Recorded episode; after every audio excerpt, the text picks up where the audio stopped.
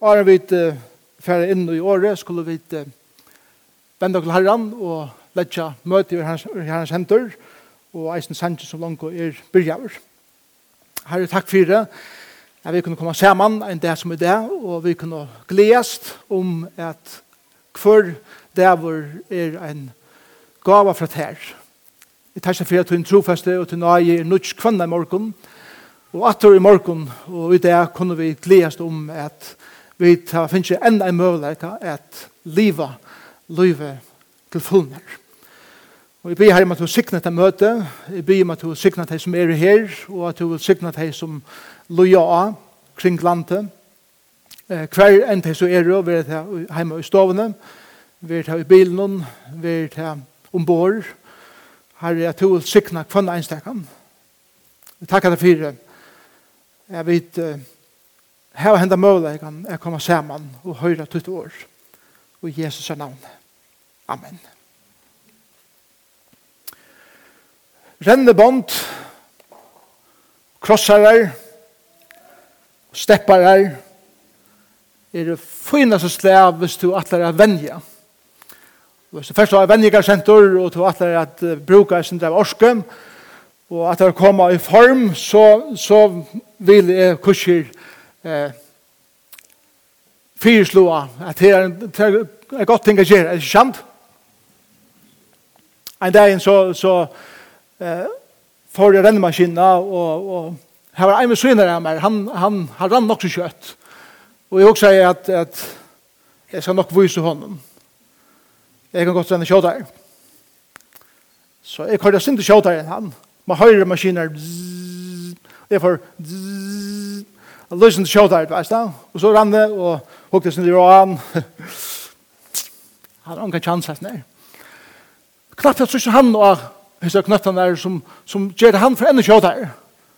Og jeg måtte sjånta synes han mye knøtt eisne for jeg kvar mye enda sjåtar. Og jeg oppdager knappt det at, at uh, hessen Per Mævren, han hittar bare opp. Og jeg er i fulltrøn. Og knappt det så fer han opp på sånne fer hver jeg akkurat som måtte bare trøste og neiknøtten, og bare fer av maskinene, og ta jeg hei vant i nesten timer, så var han stadigvæk her, men vi fotler i fyr. Det er veldig maskiner som er at venja. Men jeg halte er at følelse er ikke så rævlig godt. Om vi føler at livet er som en renneband. Vi renna og renna, og vi strujas og strevast, og vi kommer ångan vi fram. Men så kjennes løyve mengan. Det føles som vi arbeider hardt, vi strujas og strevast, men vi føler som om at det ber ångan vi, vi kommer ånga lei. Rennebånd er en god mynd av løyven. Særlig tar vi hukse om kvean i rennebånd og alt det er kommet. Og det har vi funnet her av hese vikene. Og det kommer fra viktorianske tøyene i England, hver rennebånd eller steppemaskiner var ikke gjørt til uidrette folk av vennja av vennikarsøven, men det var faktisk gjørt til fengar og i fangslun. Til stedet, så kjenda vi kors eisene, tar man eh, venner. Rennebånd, er det, som man kallar det ta for hjulpedaler, var nyttar at straffa kriminell fyrir det som de hadde gjørst. Det var enda målet vi rennebanden om, er at man skulle bare strujas og strevast og han rennebandet og renne atlan det er i det store parten av denen og så tar jeg vedkommende det her i en store parten av denen så visste han at jeg vil ikke, ikke gjøre til nytte i det hele tiden. Vi først var det alluga var nytte ut i til lømes så, så var det anker designet så at det her, at her eh, jule, et det her som det, som det så då, det var til dømes brukt til at gjøre det så at uh, kjole og en mille, en mille for at snæra rundt, så at man kunne, kunne mela kotten. Eller at man kunne flyta vatten fra en sted og et annet, eh, så at vatten kunne være flott. Men i festen føren var det bare for straffen av skuld.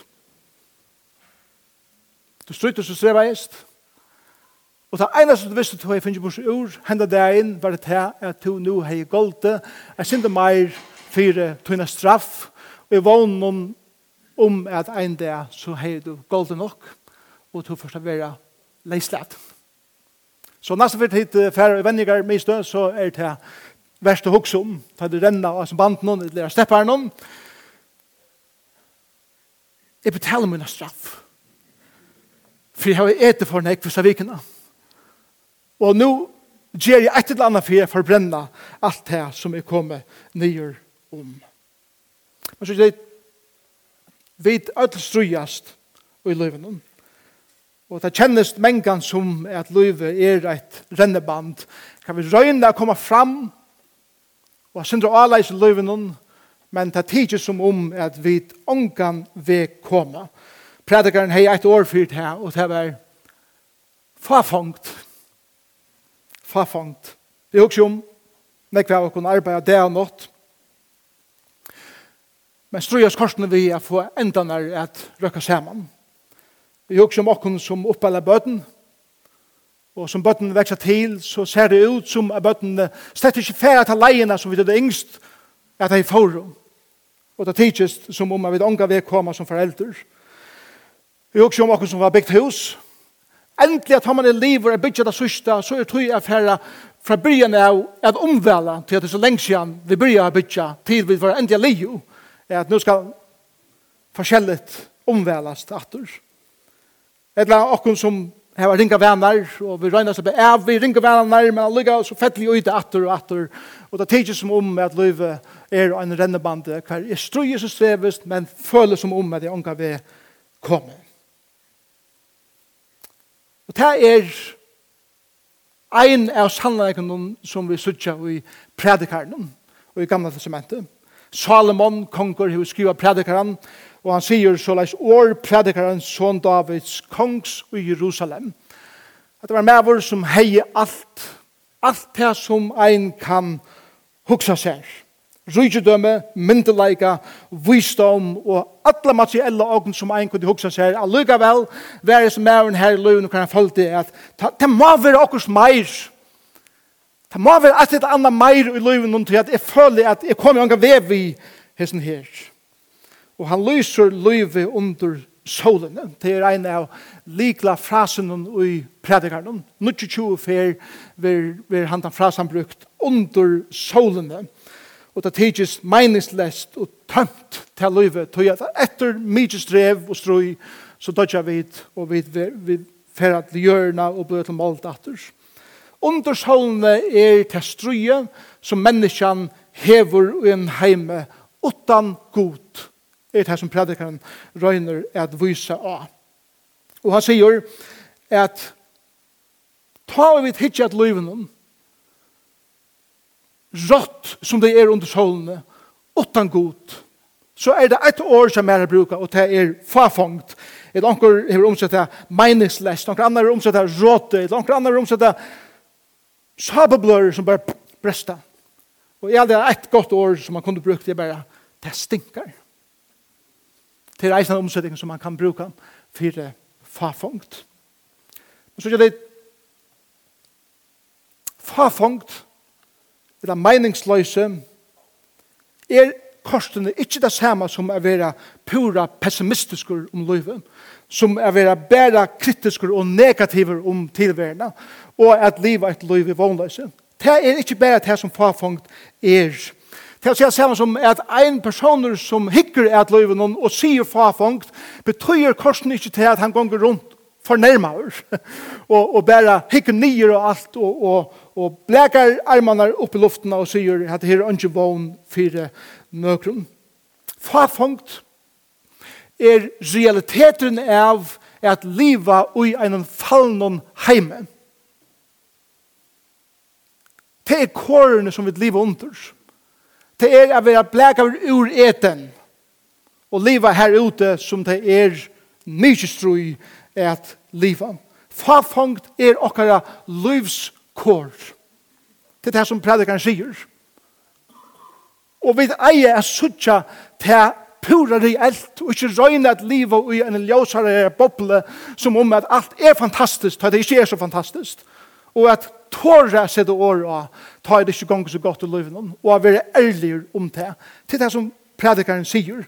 Han sier bare at det er så vanligst om vi bare har et perspektiv under solene, utan god i akkurat livet, så tidses det av medelige vanligst.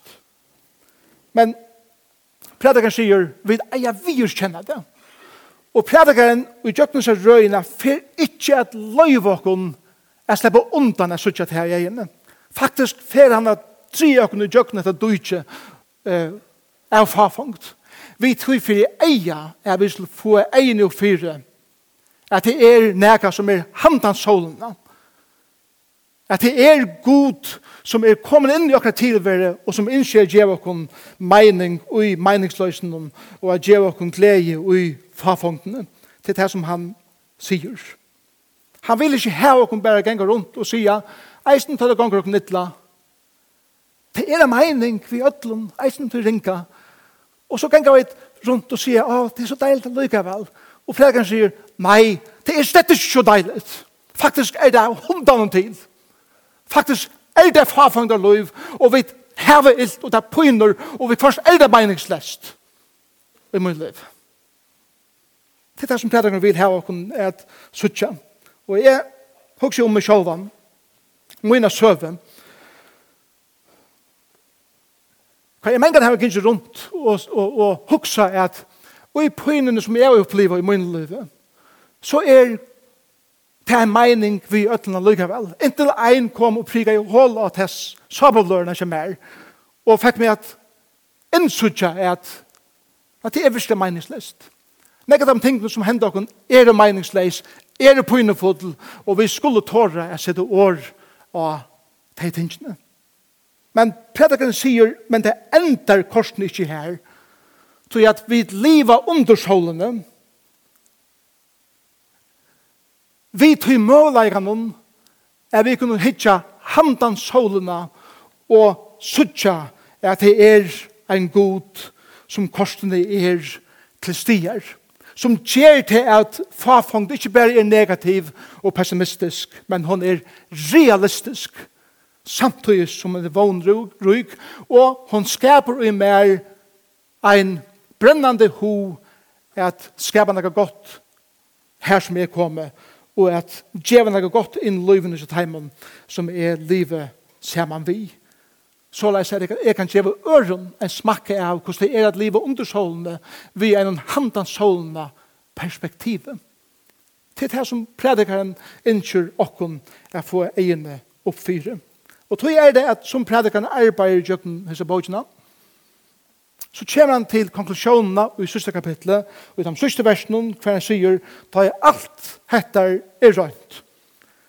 Og det seneste årene jeg sier om alt dette her, så vil jeg si dette, og dette er predikaren som sier, øtta skot og halt på hans herre. Det er det som predikaren sier.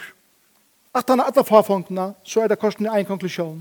Og som sier senast, så er det så leis at i jøkkenen søvegongene av predikaren, så er det som om at det er noen luker i hemmarumene som predikaren åpner for dere, for jeg vil først ui hesum verdagen av løyvnum, som mengan er farfangt, at hitje ut jötnus og er handan skutsjene og sutja er god er tilverska. God er i kontroll, god er goer, og han er vi og jakra løyve korsene. Og det er sutja vit, og fævda sutja atlan vegin og i jötnum hese her bókina. Og det er færa at, at byrja vi den første versen. Og hitje er at Det første sannleikene som vi heldig predikene vil ha og kunne skilja, som vi hitje er at verleikene av løyven. Og det er den første iverskritt som jeg vil kalla er hendan. Løyv er farfangt, tog at det er så negv som jeg ikke kan gjøre nega vi. Løyvet hitje var farfangt, tog at det er så utrolig negv, ta jeg hitje rundt om meg, som er ongan leiklod, heila hitje her vi ui, og ikke kontroll har vi av og i heila tidsen. Så la oss lese fra vers 2 og i predikaren 1. Fafongt, fafangta, sier predikaren. Fafongt, fafongta. Alt er fafangt. Kvann vending hever menneska av ötlen strevesynen som han pøser seg vi under solene. Eit atterlig fer og anna kjemur, men gjør den stendri at det er Solen kommer opp, og solen fornyer. Og hun skundar seg alltid til stegi her hun kommer opp. Vinteren lakkar ned i sunnan og fer opp i norran. Han skifter og skifter som han fer fram og teker så atter at mela. Atler eier renner kjekven, men kjekven vil aldri fotler. Hien i eierne renna, hien i renna til alt og atter. Alt pøser seg. Ongen kan sia fra tog Eia verir ikkje mett av å suttja, og øyra verir ikkje fullt av å høyra. Ta og i veri hever er ta og i vera skal, og ta og i hent hever er ta og i henta skal, og ønske nytt er under solene. Kjemer okkurst, som sagt verir om, hikk, hetta er nu nytt. Ta er korsen lengt siden veri til og i tøyen undan okkur. Ønsken er som minnes hei og i over heva livet Og lyga lyder skuld tei som etter okkom koma, liva i minne tarra som koma oppater settene. Ikke veldig oppmuntrande i år. Man rör det hos jeg, amen, til at her. Lad meg hitje at hese versen. I beskriften i hendan, lyve tidsje var farfångt til at det er så negv som vi ikke kan gjøre nega vi. Og han, og han byrjar i vers 3, Og, og han sier så for en vending hever mennesker av ødlens strevesønnen som har pøset seg vid under solene, og Sverige er renneband, ångan, kommer ångan ved fram. Strøyer seg strevest, men det ser ikke ut til å næka hender. For en vending hever menneske, hatt det hatt er handelsmål. Handelsmål, hikker etter, så en sånn ikke ta i skatteren i golden, og alle rokkene i golden her, hva har vi etter? Og prædikan sier, nada. Minus, faktisk, ikke etter. Og så sier han, strev. Et løv her brukte predikeren om. Livet er strev. Blood, sweat and tears. Simple den. Som man pøser seg vidt, han bruker en sjefer i predikeren. Og det er mynd av sånne her mannen som har rundet en time av rennemaskinene, av rennebanden. Onka er kommet, svetten driver av honom, Og han omma med sånden. Så jeg sier predikeren, så lest forresten er livet. Minus og kontinen. Strujas og strevast. Omma med sånden drotten. Og åndsje vinninger er i. Fantastisk. Oppmuntrande ham. Så sier han vers 4. Hvor er det farfungt? Tøy jeg vet heva ikke kontroll. Og vi vil altså feien hava kontroll av akkur omstøvun. Vi vil altså feien hava makt. Vi vil så feien kunna sia at jeg har kontroll av min liv. Og predikar sier, å forresten, heldur at du hever det. Les vi mer. Vers 4. Eit atali her, og anna kjemur, og jøren stendur, og i atlar efer. Vi strujas og strevas og dodja vid. Men Vi dødja, et annet atelig kjemur, te døyr, et annet kjemur, te døyr, et annet kjemur, men kyrkjebøreiner sender stadig her. Skælinger sender stadig her. Slattare tinder, han er stadig. Klakkeren, han når det. Og lytta dømmer hans ordet. Nølsøgjen. Alt Alla hans ötsarna, alla hans fjöllene, standa stadväck här. Jörn är pura statisk. Hon ständer här och vit färre och komma och färre och komma. Men allt hit som de har ständer stadväck. Här är ingen bröjting i nökron. Det är det som man menar vi gör en ständer i alla räver. Själv om vit färre och vi komma. Og fyrir at røyne er at livet så langt som møvlet, så, så, så gjør vi alt møvlet fyrir ikke å bli gommel. Amen. Amen. Allt hva vi kunne. La, la meg sitere for dere. En, en, en, en som heter Arlene Weintaub, som har skrivit en bok om det här. Hon säger så läs. Jag drar det så ikke yngre ut, er bliven en fleir milliarda business i okkara atterlige. Gransking viser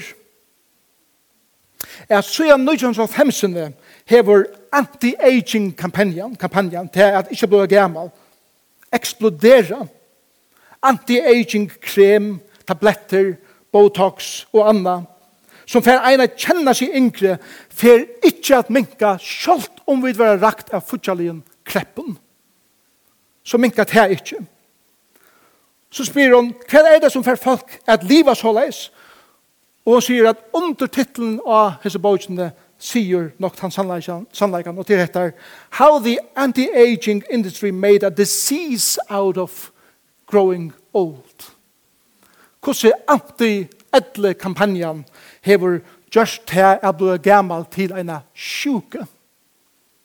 Så i stedet for jeg ble gammal og vekse i visdom og vitan og i kunnskapet, så strøyes og streves det for jeg halda dem så ungan, så langt som jeg kan, helst at livet, tog jeg at jeg ble gammel, jeg ble eldre, er i okkar samfunnet blivet en sjuka.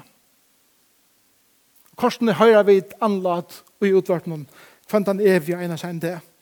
Jeg minnes hvordan galt det var da jeg var løy til å vokse opp, og Apollos heter utvartnen, og så kom anlad, så var det shh! Hvis du høyre hver deier. Det er nekst at jeg har haft hver føtter i utvartnen, heller enn hver deier. Hver Og så skulle man høyre på anlat og gjøre affærer. Og så gjør det, ta affærer til han gjøre affærer. Så har vi da til predikamannen sier, og oppresten for å komme en dag, og vi gleder oss til at oppresten verer. Men predikeren sier, ikke ferdig her enn. Liv og i pynene av at degene verligere. Liv og i pynene av at sorgen som vi ber deg om henne her som vi har mist, er verlig. Hikter i egene, følg det. og ikke leipa så kjøtt til konklusjoner og pent innpakka i svær. Det er det som predikeren vil ha åkken er skilja. Vers 5 og vers 6 Solen kommer opp, solen fornyer og skundar seg at det som kom fra så kommer opp atter og fornyer atter. Jeg les vevertindene fyrir det kom senast. Vil dere høre vevertindene fyrir det? Tell jeg også leis. Som hever en hatrist rikkur torstvever visser og mindre vinter er skai, 8 meter om sekundet, men sætna parsten det skutja og veksande vinter dit. Det var skjeit til nutje hitast i, sent sunnekvaldi og sunnattna kom nutje blippalde fram vid fyrjun, og så er det kvendan evig einast, jeg skiljer ikke nega tøymer av lust etter oss. For det passar omkant du, og det er så deprimerande, særlig av akkurat leion, Men det som predikeren vil hava okna skilja, og det som vi eisen må hugsa om, tar vi lorset vevet er hatta hava vi ønske kontroll av. Jeg har ønske kontroll av øtlendansen her. Vi leva i omstøven som er større og sterskare enn vit. Heldig du at du har kontroll av sin liv? Les prædikeren. Og det er så utrolig enn jeg som vi ikke har kontroll av Vers 6. Attar ai renner kjekven, men kjekven vil aldri fotler. Det er fantastisk spurninger. Hoks det kan attar ai, attar sanne fra, renna i kjekven, men han får ånga vi opp. Fekstvatten renner i kjekven. Og vi smakka kjekv, og han salter. Hvordan blir det her tid? Ja, vi, vi, vi vet av visendalega kvui Att det så ni hända och en av den kjekven, för den på skutchen där skutchen där skutsjene att nyrer, og formene av regne og kæv og hekling, så den där om man kjekven, så hoppar du luften, så nyrer att fast, hesten samma sysklen, åter och åter och åter så det är som prædiker med ha, kunne sutja, er det ikke, är det ikke ontrant och du kan inte göra vet det, fullkomligt ikke. Vi vet kusse, men vi vet ikke kvui det er så leis. Og vi kommer ångre det å vite hva hvor spørningen fyrir var mynt da, at heldig ikke det har vi kontroll da. Tror jeg til som nek ting som er nek større og nek sterskere enn vi. Vi vet hvordan ting hender, men vi kan ikke svære spørningen om hva og ting hender. Vers 8. Alt pøser seg ut, jeg bruker en år i atter. Ønsken kan se fra at du Eia vil ikke ment av å sutja, og øyra vil ikke fullt av at høyre. Vi har har vi vitja hetta landet, og det var fantastisk. Vi vitja handan storbyen, og det var fantastisk. Vi så öll museumene, vi så öll kyrkene, öll tingene. Men neste år, så må vi fære til annan land. Og en annan by, jeg synes ikke det.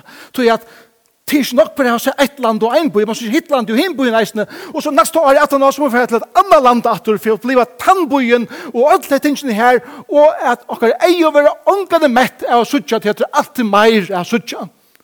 Og så har jeg vært til denne konsertene, og så var jeg til tannsjånleisen, og så kjøpte jeg til nødgjeste feidede fløvene, vi tog fantastiske musikkene, men problemet var til neste år, så kommer jeg nødgjø ut, ta meg i eisen i høyre, og øyre vil unga deg fullt av ødelen ljøvene som er rundt om oss, og vi fytler oss mer og mer og mer og mer, og vi vil unga deg med deg.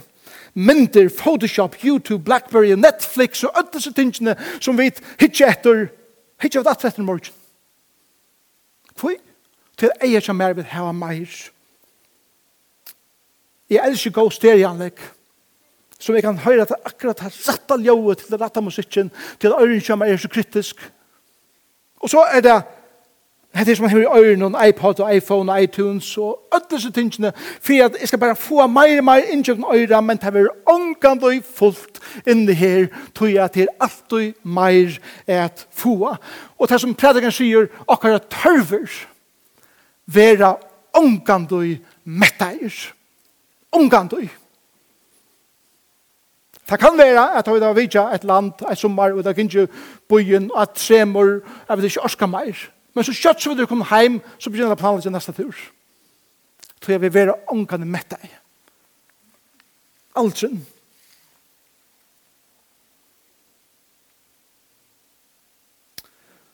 Og så er det vers 20, eller vers 20 og 20. Det vi veri hever er det vi vera skal. Og det vi hent hever er det vi henta skal. Anke er nytt under solen. Kjemmer anker, eller anker som sagt vi om hikk, hetta er no nytt. Det er korsen lengst siden veri til og i tøyunum undan okken. Og det som prædikan vil ha okken hugsa om her er til at det materialet som vi tar arbeid vi er utrolig avmarska. Og okkar skapande evne er utrolig avmarska eisene. Ikke nytt. Det er bare variasjoner av gamle ting som sutja nytt ut. Vi tar bare det samme materialet, hukk som tonleik, tølv tonar av veljemiddelen, som er venter og dreier på alle mulige måter, men det er bare tølv toner. Og vet du, jeg vet ikke om det er ferrast, da vi standa og bøyde kuffersen om, så er det alltid eit kufferst som blir vi og kom atter. person er bare, han er bare ikke finnes blære kom etter. Det er er déjà vu-opplevelse. Here we come. Om igen. Og så er forholdslivet som, som kufferst og en bande som, som kører bare rundt og rundt og rundt og rundt, og ikke er nytt. Og han kommer vi er nødt til ri, og i laslig, og sier, hikker, wow, dette er nødt til mat jeg leier på. Og, og man åpner Bibelen og sier, uff, dette er reisen for trydet snart, sier han. Og man kommer vi nødt til med tåten innenfor samskiftet, og man husker, ja, dette er bare en annan måte at dreia nekka som lengsjan hever vært. Man kommer vi nødt til pengen valuta, i det forholdet, i det politikket, og den møvende nødgjent tanken, men faktisk sier predikeren at ta du vel hikker etter substansen og atan fyrir det. Så er det bare nødgjent måter at gjøre gammel ting på, og alt er déjà vu, og alt er akkurat lyka som det alltid er vere, og ikke er veldig nødt. Og så kommer han til dette etlenda verset som er så utrolig deprimerende, og det er ønsken er som minnes teg og over her livet. Og lyga lyde skuld teg som etter å komme livet i minnet her som komme opphatter settene. Ein høvendur som heter Emily Smith sier så leis, «Jøkken senast jeg trusk årene er samfunnet okkar blivet meir og meir eh, individualistisk. Okkar sosiala nærvera er nyer bråten.» Vi bjør oss minne og minne fram kjølbøyen. Vi har færre og færre gestur heima til oss sjølven. Vi gifter oss minne og minne. Vi har færre og færre bøten. Vi har færre og færre viner som er veldig nær og som vi deiler til innast og i løyvene sammen vi. Vi er jo nok av okkara sosiale natur. og vi betaler sannlige prysen. Så jeg samtidig som okkara sosiale eh, isolasjon er voksen så er livsgleden færen og medrene nyer, og sjálmor og tunglende vinter og pase som omkan det over i okkara samfunnet. Og okkara nøvn, Lyga mykje hvordan kjent vi der med å liva, færre glømbøkene. Og færre søvebøkene som bærer et navn som stender i middel nekk, nekk, andre nøvn, og to hever omgang tøtning til alt som er til alt, og du hikker ut av de store myndene. Nøvn okkar forsvinna inn i søvbøkene er det som prædikan vil hava kun er skilja. Ta vi hitje at liven undan, eller under solene. Så vil tutt navn glemt. Stutt etter at du er deir. Og de som kommer etter til, vil ha glemt stutt at han har teir i deg. Og livet er som av rennebanden. At du strøyes og strevast, men du kommer unga ved Og da du endelig er kommet her til at livet er livet, så er du glemter. Og du er glemt. Hadde finnes nok farfangt. Skal bare vi?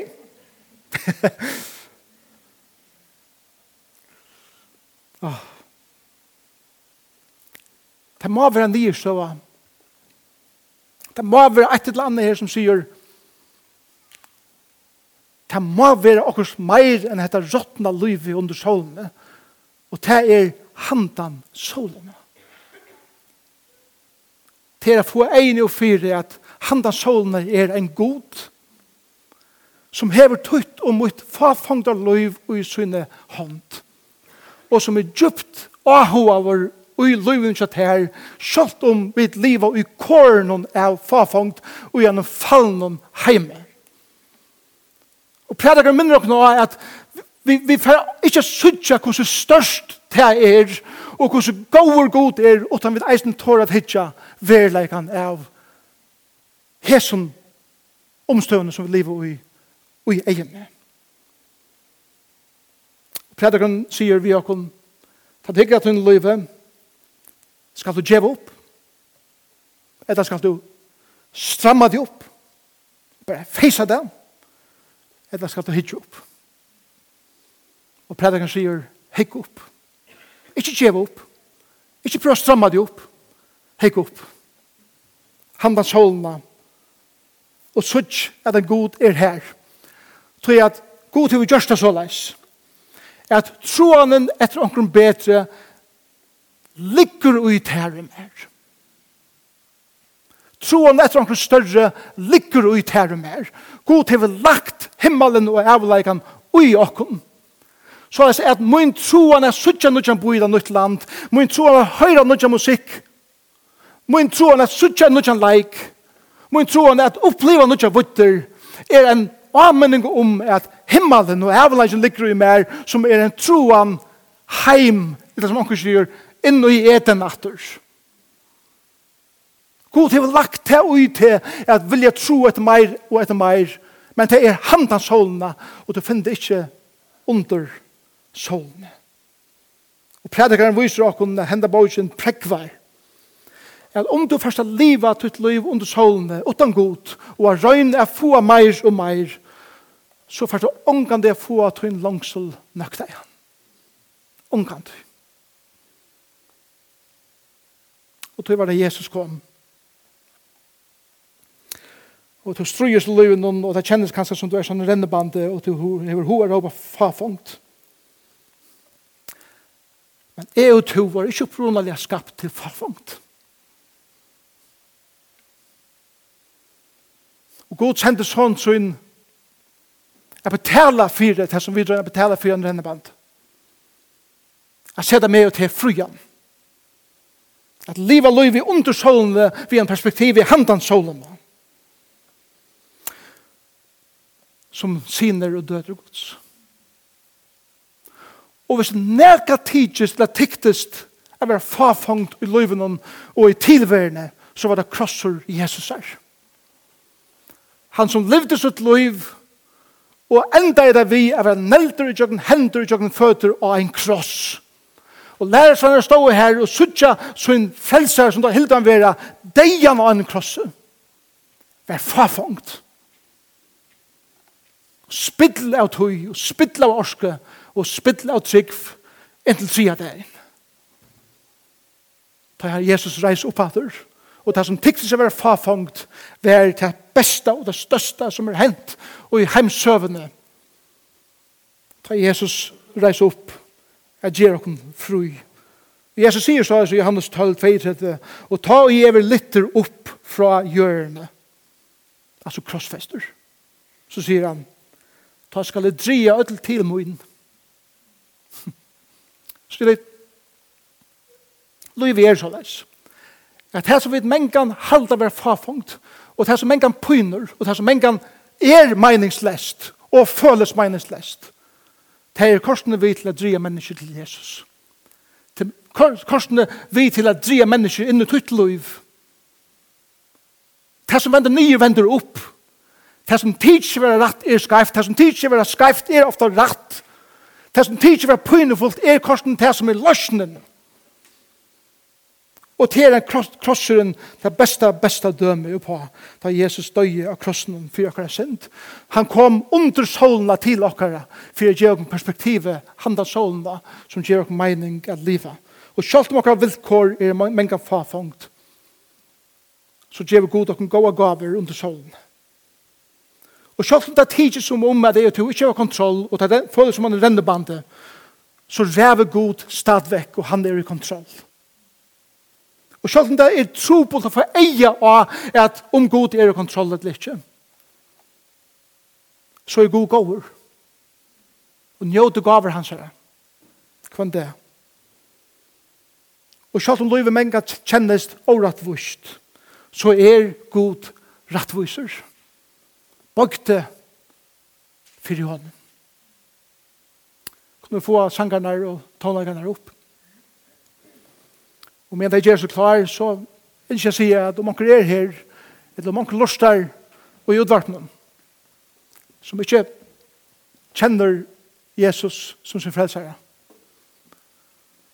så døye Jesus av krossen for tøyna synd, for djeva ter loiv, og djeva ter meining ui tilværende som en kan tidsis å være farfangt. Og som vi uh, får lust etter sannsjonen som Anna Haberg synker, så hadde jeg teksten som vi får lyst til å si det så vel, er kjatt om ta mengan tidsis å være trobult her, så har vi god en atla tunn liv. og han skal leie det. Amen.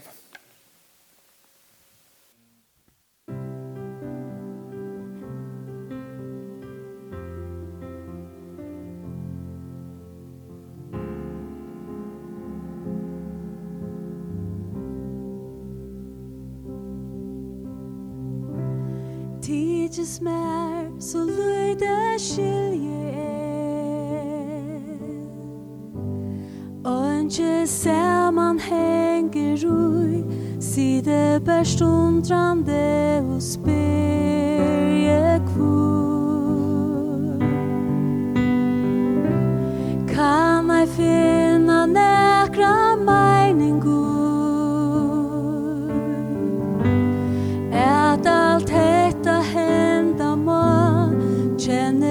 varst at nøyast halda. Av Kan ta ikkje fova ein enda? Kjans det kjemur ein betre tui Ta du skilir alt Kjans det kjemur ein betre tui Ta du sa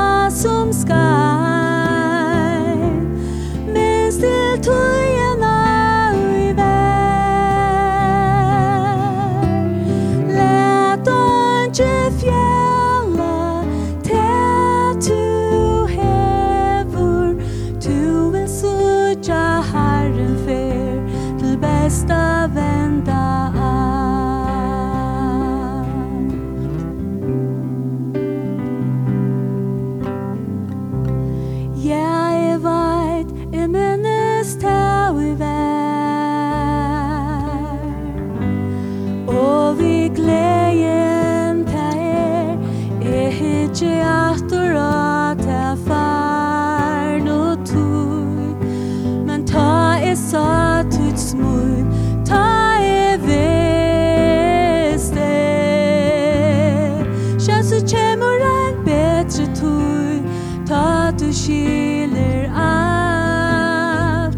Sjans du kjemur ein betre tur ta du sanna skal Hva grunder til